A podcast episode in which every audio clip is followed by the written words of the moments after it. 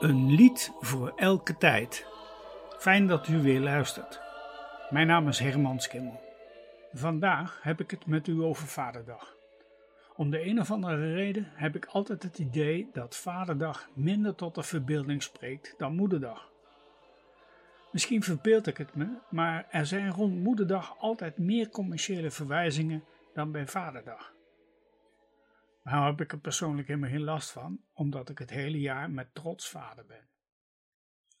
In de kerk of in de kerkmuziek neemt vader wel een heel belangrijke plaats in.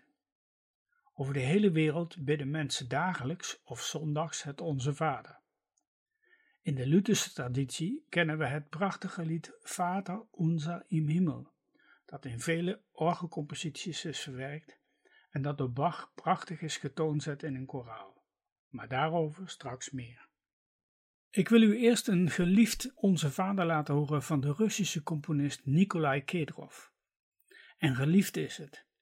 In mijn eigen koor, waar ik dirigent ben, krijg ik regelmatig het verzoek om het weer op te nemen in het programma en in Nederland zijn er heel veel koren die het in wisselende bezetting zingen. Ik heb het over Otje Nas. Kedrov werd geboren in Sint-Petersburg en was van oorsprong een bariton in het bekende Bolshoi-theater in Moskou. Daarnaast was hij oprichter van het Sint-Petersburg Vocale Quartet, een voor die tijd beroemd mannenkwartet. Kedrov schreef veel liturgische muziek, maar die is toch niet zo bekend geworden als zijn Onze Vader. Na de Russische revolutie in 1922 verhuisde Kedrov naar Berlijn en richtte daar opnieuw een mannenkwartet op en toerde daarmee door Europa en Noord-Amerika. Luister nu naar het Otjenas, het Onze Vader van Nikolai Kedrov door het vocaalensemble Jubilate Deo onder leiding van Laurent Vauquelin.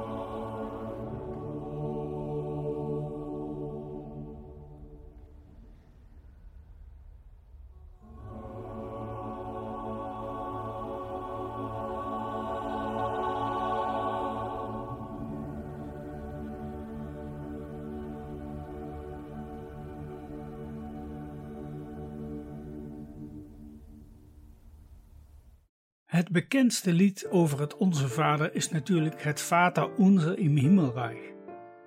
Misschien wel het lied met de meeste varianten in ons liedboek. Het is van oorsprong een lied van Maarten Luther en het is een lied waarvan heel veel berijmingen zijn gemaakt.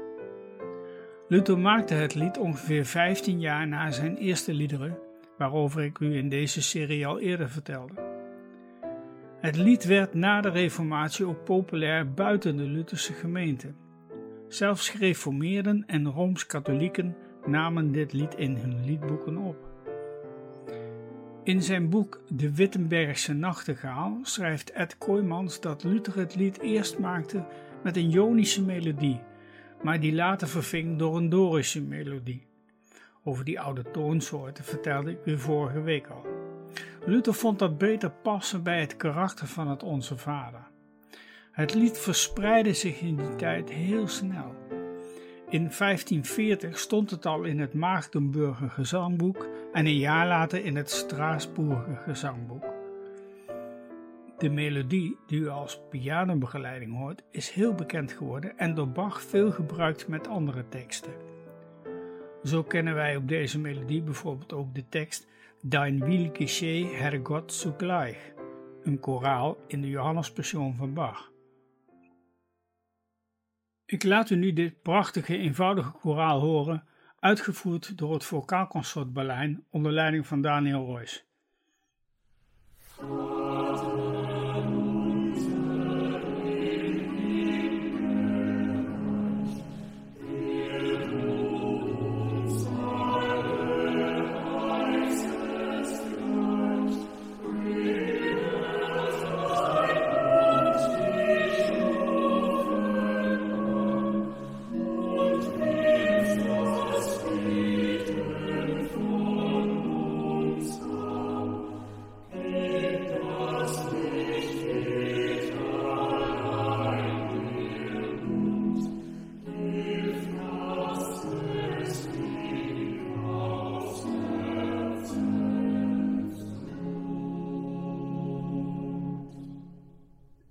Volgende week staan we even stil bij een bijzondere bruiloft.